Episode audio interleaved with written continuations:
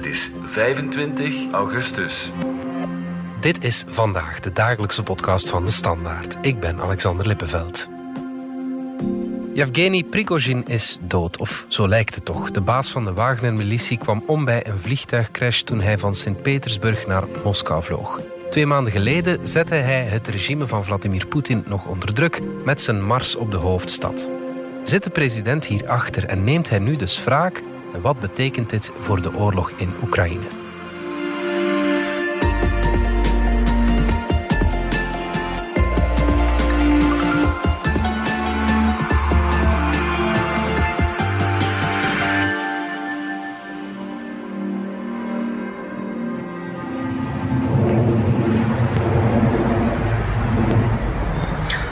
Пиздец, это беспилотник.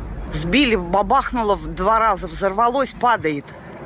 Ты посмотри, падает. Dominique Minten van onze buitenlandredactie. Yevgeny Prigozhin, de Wagnerbaas, eh, zou omgekomen zijn tijdens een eh, vliegtuigcrash. Блядь, не видать нихуя. А, Вон, около фермы.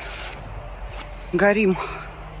Vertel eens, wat weten we op dit moment? Wel, alles wijst erop inderdaad dat zijn vliegtuig is neergestort of zelfs neergeschoten. Britse inlichtingendiensten en zo zeggen dat eigenlijk luidop. Ja. Dus het vliegtuig is woensdagavond neergestort, neergeschoten. het, het is meteen in brand gevlogen ook. Alle inzittenden zijn dood, verkoold. En eh, volgens de Russische luchtvaartautoriteiten was Prigozhin, de Wagnerbaas, Ja. aan boord. Ja. Samen met onder andere Dimitri Utkin. Dat is eigenlijk de tweede man. Hij is eigenlijk, eigenlijk de oprichter van de Wagner-milities. Hij heeft zijn naam gegeven aan die Wagner-milities. Ja. En de andere inzettenden, er zouden er nog zeven of acht geweest zijn, die zouden ook allemaal lid geweest zijn van het huurlingenleger. Ja. Dat Utkin en, en, en Prigozhin jaren geleden hebben Ja, opgericht. maar Prigozhin is daar vandaag de bekendste figuur van natuurlijk. Ja. Misschien moeten we nog even kort zeggen wie hij juist eh, is en wat die Wagner-militie eh, juist is, heel kort. Dus hij is begonnen als kleine crimineel, maar heeft zich dan eigenlijk snel opgewerkt in het Kremlin. Hij is de kok van Poetin geworden. Hij is maaltijden gaan bezorgen aan het leger. En dus eigenlijk is hij een oligarch geworden. Ja. Die heel nauwe contacten had met Poetin. Die door Poetin ook vertrouwd werd. Ze waren eigenlijk ook lange tijd twee handen op één buik. En hij is dan samen met die Utkin hebben ze een soort van privé-militie opgericht. Met goedkeuring van Poetin. Die vele jaren het vuile werk van Rusland hebben opgeknapt in het buitenland vooral. Ja, ja. Ze zijn erg actief en nog altijd actief in het noorden van Afrika, in de Sahelregio, waar ze allerlei malafide regimes op de been houden. Waar ze ook eh, grondstoffen delven en die dan eh, dat geld, de opbrengsten, versluizen naar Rusland. Ja. En dan, het laatste jaar is ze echt naar buiten gekomen. Want dat was altijd heel vaag. Hij heeft altijd ontkend dat hij iets met die, met die Wagners te maken had. Maar vorig jaar is hij toch naar buiten gekomen als de man die de Wagner-militie leidde. Ja. En zij hebben dan een belangrijke rol gespeeld in, in de oorlog. Ja. Zijn, zijn huurlingen zijn ingezet aan het front in Oekraïne. Ja. En ze hebben daar eh, eigenlijk het laatste succesje dat de Russen hebben behaald. Bakhmut. Ja. Ze hebben dus Bakhmut her- heroverd. En daarna zijn ze eigenlijk, eh, hebben ze zich teruggetrokken uit die oorlog. En zijn ze eigenlijk een beetje terug van het toneel verdwenen. Ja. De laatste keer dat hij groot in het nieuws zat, dat was met die mars op Moskou eind eh, juni. Vertel nog eens wat dat juist was. Wel, dat is een heel bizarre ontwikkeling. Op een vrijdagavond raakte plotseling bekend dat hij met zijn troepen aan het oprukken was naar, eerst naar Rostov. Daar is het militaire hoofdkwartier gevestigd van het commando dat eigenlijk de troepen in Oekraïne, de oorlog in Oekraïne aanstuurt. Ja, ja, ja. En hij, hij eiste toen eigenlijk dat de minister van Defensie, Shogu, en de opperbevelhebber van het leger, eh, Gerasimov, dat die moesten aftreden, dat die zouden vervangen worden. Omdat die er een boeltje van gemaakt hadden in die oorlog. Die oorlog hè, die was vastgelopen. De Russische soldaten hadden niet genoeg materiaal. Ja, dat ging natuurlijk niet gebeuren. Maar plotseling zeiden we, dan rukken we op naar Moskou. En iedereen ging ervan uit, wat gaat er nu gebeuren? Hè? Kan hij dat zomaar doen? Tot op een bepaald moment plotseling zei van, nee, ik ga er toch mee stoppen. Toen kwam naar buiten dat hij een akkoord had gesloten met Lukashenko, De Wit-Russische de Wit- president. president. Dat hij dus inderdaad toch niet eh, Moskou zou, eh, zou aanvallen. Dat hij inzag dat hij toch een fout had gemaakt. Maar dat hij in ruil dan Zich ging, zich vestigen in, in, in Wit-Rusland. Ja. Poetin liet dat dus zomaar gebeuren. Zo leek het toch? Dat lijkt toch vreemd, of niet? Absoluut, dat Ja. was zeer vreemd. Hè, want eigenlijk zette hij, zette Prigozhin Poetin voor schut. Ja. Hè, dat was een slag in het gezicht van Poetin. Plotseling werd voor iedereen in Rusland duidelijk dat Poetin toch niet alle touwtjes in handen had. Dus dat was heel vreemd. Hè? Want van Poetin is geweten, hij wordt wel eens de apostel van de wraak genoemd. Iedereen die echt openlijk tegen hem in het verzet komt, die hem uitdaagt, die betaalt vroeg of laat de prijs daarvoor. Ja, kijk maar naar al die vergiftigingen. Vergiftiging, Navalny, ja, dus alle, allemaal, alle ja. dissidenten die, Ja. die vergiftigd zijn. Maar ook eh, de voorbije maanden zijn verschillende hooggeplaatste Russen plotseling uit het raam gevallen. Ja. Onverklaarbaar. Ik heb maanden geleden al eens, al eens geschreven dat het vreemd was dat Prigozhin nog altijd niet uit een raam was gevallen. Ja, ja. Want hij was dus inderdaad al maanden bezig met die kritiek te geven, vooral op het, op het Russische leger, op, de, op de minister van Defensie. Mhm. en, maar hij bleef er altijd maar mee wegkomen. En dus nu opnieuw, nu daagde hij echt Poetin uit. Ja, En toch leek hij daar opnieuw mee weg te komen. ja. Maar dus de Kremlin-watchers zeiden toen al... Ja, we gaan even moeten afwachten wat hier de echte consequenties gaan van zijn. Want iedereen ging er toen al vanuit dat het Poetin dat eigenlijk toch niet zomaar zou laten gebeuren. Ja. Dat, eh, de- dat er wel eens iets met, met Prigozhin zou kunnen gebeuren. Ja, dat brengt ons bij die vliegtuigcrash waarbij eh, Prigozhin woensdagavond overleden is. Even luisteren naar Poetin. Hij heeft eh, donderdagavond een boodschap de wereld ingestuurd. Что касается этой авиационной катастрофы, то прежде всего хочу выразить слова искреннего соболезнования семьям всех погибших. Это всегда трагедия. Ik wil mijn medeleven uitdrukken aan de familie, zegt eh, Poetin. En dan heeft hij lof voor Prigozhin als zakenman en voor zijn werk in Afrika. Maar hij zegt ook dat hij fouten heeft gemaakt. Dat is behoorlijk cynisch natuurlijk als eh, hij hier achter zou zitten, Dominique. Is het nu effectief wraak van Poetin of niet? Alles wijst er wel op. Ja. Nu, we moeten altijd een kleine, kleine slag om de arm houden. Ja. Het enige wat we weten is inderdaad dat dat vliegtuig is neergestort. Dat de Russische autoriteiten zeggen dat hij aan boord was. Maar er, er circuleren nu een aantal verhalen. Bijvoorbeeld wordt gesuggereerd op dat moment dat hij vertrok, dat er ook een tweede vliegtuig even later is vertrokken. En sommigen zeggen nu, misschien is hij, was hij op de hoogte van dat er iets zou gebeuren met dat vliegtuig en is hij toch nog snel in het andere vliegtuig gestapt dat dan eigenlijk is weggevlogen in een andere richting. Ja, oké. En dat, hij, dat er in dat vliegtuig dat dan in- is neergestort, weliswaar een aantal eh, mensen van Wagner zaten, maar dat hij niet aan boord was. En dat hij dus eigenlijk een beetje gevlucht is, of onder de radar en nu gaat blijven. De vraag is of dat realistisch is, ik weet het niet. Ja. En waarschijnlijk gaan we het ook nooit voor 100% zeker weten, omdat er, ja, de lichamen zijn verkoold. Er wordt nu wel een onafhankelijk onderzoek geze- eh, toegezegd door Rusland, maar ja, iedereen gaat ervan uit dat dat nooit een echt een onafhankelijk onderzoek zal zijn. Nee, we zullen het... eh, We zullen het misschien nooit 100% weten. We zullen niet de foto's waarop hij te zien is, eh, waarop zijn lichaam te zien is, denk ik, gaan we nooit te zien krijgen. Omdat Nee. hij- zijn lichaam ook zo verkoold is dat we het niet, niet gaan weten. Maar het, de meest aannemelijke piste is wel dat hij dood is en dat Poetin of het Kremlin hierachter Ja, zit. hè. ja, dat is zeker het meest plausibele piste. Je moet niet vergeten, de voorbije maanden, sinds de, sinds de mislukte coup of poging of de mislukte mars, is Poetin wel, de, de jongste weken is hij wel bezig geweest met een aantal mensen, ook binnen het leger, die hij verdacht van, van medeplichtigheid aan die coup-poging, aan de kant te schuiven. Heel opvallend was bijvoorbeeld dat generaal Surovikin, best bekend als generaal Armageddon, is een tijdje de, de leider geweest van de operaties in Oekraïne. Hij is dan begin dit jaar vervangen door generaal Gerasimov, de echte stafchef van het leger. Maar Surovikin was nog altijd de nummer twee. Die werd eigenlijk snel in verband gebracht met die, met die mislukte mars op Moskou. Iedereen ging ervan uit dat hij op de hoogte was, dat hij wist wat, wat de plannen waren van Prigozhin. Een aantal andere generaals ook. Dus die zijn eigenlijk snel opgepakt. Dus Surovikin is meteen na, na die mislukte coup-poging, zal ik het nu maar noemen, van de radar verdwenen. Er doken beelden op dat hij waarschijnlijk in een gevangenis zat in Moskou. Dat hij daar werd ondervraagd over hè, wat, wat hij precies wist en wat zijn rol was geweest.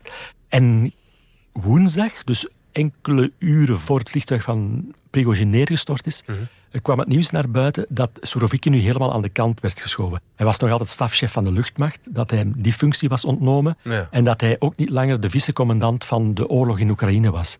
Dus dat gaf ook al aan dat Poetin bezig was met een zuiveringsactie. Ja, ja, in het Ook andere generaals zijn de voorbije maanden, voorbije weken zelfs wat aan de kant geschoven. Ja. Je zag duidelijk dat Poetin zijn imago van sterke leider, dat hij dat weer aan het oppoetsen was. Ja, ja. Je mag niet vergeten, begin volgend jaar zijn er verkiezingen in Rusland.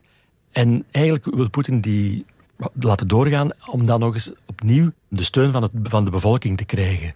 En dus dat hij wil aantonen van ik ben hier nog altijd de sterke man en uh, de, de, bevolking staat nog altijd achter mij. En dus daarom moet hij ook wel laten zien dat, dat hij wel degelijk de touwtjes opnieuw strak in handen heeft en dat iedereen die toch maar aandurft om tegen hem op te treden, of kritiek te hebben op hem, dat die aan de kant wordt geschoven. De vraag die bij mij nog blijft hangen is waarom zat Prigozhin ja, in Moskou of in Rusland überhaupt? Geen idee. Het is heel, heel bizar inderdaad, want twee dagen eerder had hij die video de wereld ingestuurd waarin hij suggereerde mhm. dat hij in Afrika zat. Ja. Nu, hij, heeft, hij beschikt over privévliegtuigen, dus hij kan zich wel snel verplaatsen. Hij kan daar geweest zijn in Afrika. Hij kan gesommeerd zijn door Moskou. Mm Kom eens, uh, we willen opnieuw met u praten. Maar daarover is op dit moment niks bekend. Nu goed, het is wel op een heel opzichtige manier dat dit allemaal gebeurt. Hè. Een vliegtuig, ja, 100 kilometer ten noorden van Moskou. Dat is allemaal gefilmd. Waren er geen andere, iets minder opzichtige opties om hem uit te schakelen? Ja, waarschijnlijk wel, tuurlijk. sowieso. sowieso uh, waarom, waarom? Ja, Dus ik denk dat de manier waarop het gebeurd is nogmaals aangeeft hoe groot de woede was van, van Poetin. Ja. Dus hij wil duidelijk maken dat wie echt tegen hem opstaat, de echte vijanden die hem echt in een nauw drijven, dat die medogeloos uit de weg worden geruimd. Ja. Want bijvoorbeeld Surovikin, die is gewoon aan de kant geschoven. Waarschijnlijk heeft hij wel wat berouw getoond. Heeft hij ook gezegd van, uh, ja, het was allemaal niet zo bedoeld. En dus die kan nog wel blijven staan. Maar voor de echte vijanden, daar toont hij geen enkele genade. Die ruimt hij echt uit de weg. Die worden geëxecuteerd. Een voorbeeld daarvan was in 2015 is Boris Nemtsov uh, vlakbij het Kremlin neergeschoten. Ja. Dat was ook een, een, executie op een van de best bewaakte plaatsen van Moskou. Ja. Maar van Nemtsov werd altijd gezegd, als er iemand in staat is uh, uit te dagen, ja. Poetin politiek uit te dagen, dan was het Nemtsov. Mhm. En dus die man is ook gewoon, gewoon geliquideerd. Hij heeft daar nooit de verantwoordelijkheid voor opgeëist. Hè. Dat, die, dat is nooit opgehelderd. maar iedereen gaat ervan uit dat dat op commando van, van Poetin is gebeurd. Kan zich dit niet tegen Poetin keren? Want ja, het is, ja, die Wagner-militie bestaat nog altijd Die Wagner-militie bestaat nog altijd. En gisteren al, op een telegramkanalen, uh spraken ze zich echt heel vijandig uit. Mhm. Ze, ze dreigden al met een nieuwe mars op Moskou. Mhm. Sommigen zeiden ook van, ja, als Poetin hierachter zit, dan hebben wij in Rusland helemaal niks meer te zoeken. Wij willen hier weg.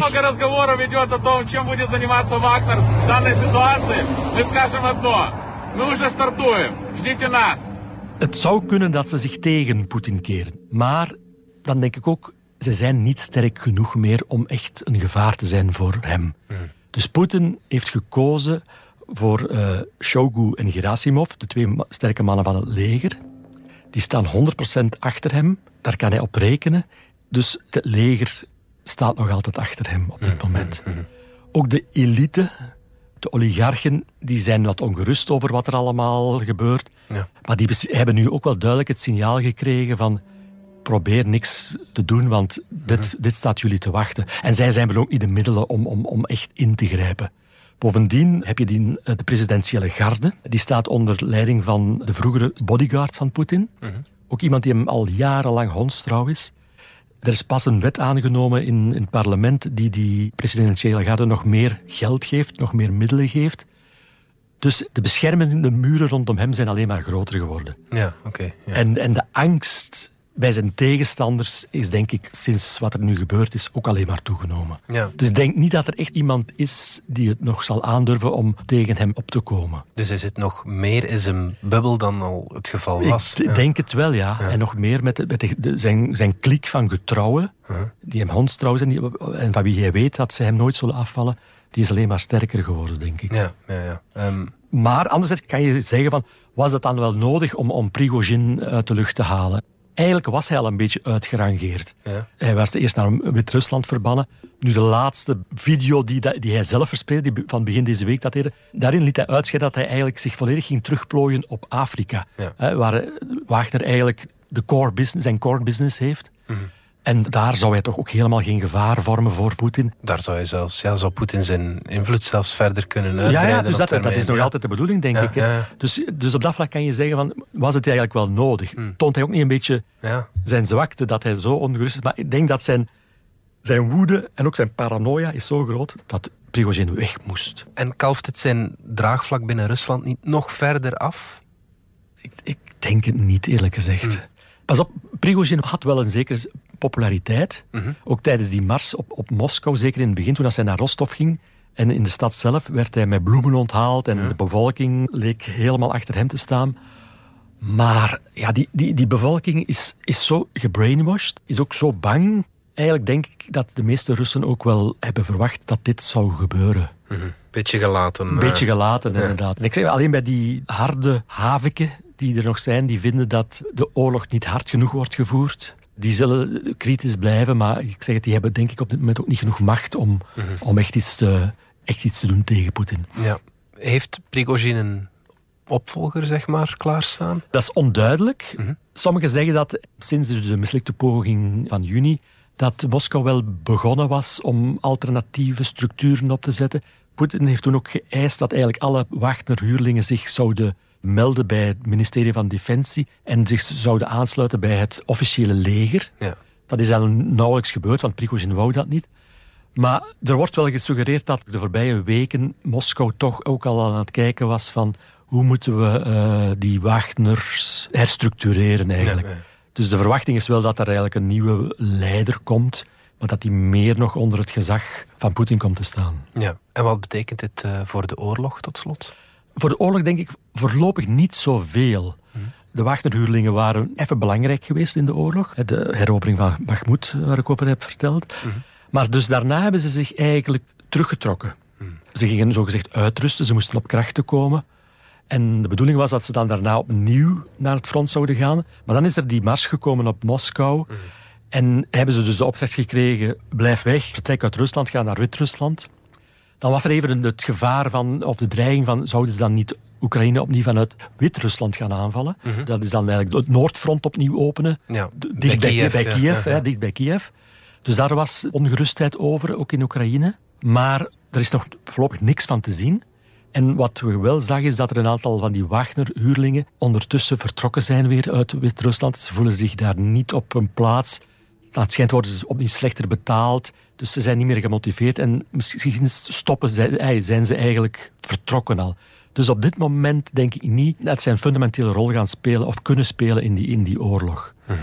Nu, Mateusz Morawiecki, de Poolse premier, die waarschuwde vandaag wel van ja, maar pas op, als ze echt onder het gezag van Poetin komen, dan worden ze misschien nog gevaarlijker. Ik weet niet of dat gaat gebeuren. Dat, dat, moet, dat moeten de komende maanden uitwijzen. Maar ik zeg het voorlopig, op de eerste weken, ik denk zelfs de eerste maanden, denk ik niet dat dit een wezenlijke invloed heeft op wat er, wat er aan het front gebeurt. Ja. Dus daar gebeuren belangrijke dingen. Hè. Dus Oekraïne is nog altijd aan het proberen, zeker dat Zuidfront, om daar het bressen te slaan en dan richting de Krim, om, de- om die landbrug die Rusland heeft in het zuiden in tweeën te splitsen. Dat lukt moeilijk, dat gaat traag, bloederig. Maar ik zeg, daar spelen ook de, de Wagner-soldaten geen rol, geen enkele rol. Russische soldaten die daar nu aan het vechten zijn, die zijn misschien ook wel geschrokken over wat er gebeurd is. Eh, ik denk dat er een aantal van hen hebben wel waarschijnlijk wel sympathie ook voor Prigozhin, omdat hij dat voor hen heeft opgenomen. Misschien worden zij nu wat minder gemotiveerd opnieuw. Maar dat is een beetje koffiedikeken op dit moment. Ja, oké, goed. En zo eh, krijgt de oorlog weer een bijzondere wending, laat het ons eh zo Absoluut, ja, ja, ja, Goed. absoluut. Dominique Winten, dankjewel. Graag gedaan. Dit was vandaag de dagelijkse podcast van de Standaard. Bedankt voor het luisteren. Volg ons op Spotify, Apple Podcast of eender welk ander podcastplatform. Of download de vernieuwde app DS Podcast, waar je ons werk en de beste luistertips van onze redactie terugvindt. Alle credits van de podcast die je net hoorde vind je op standaard.be-podcast. Reageren kan via podcast.standaard.be.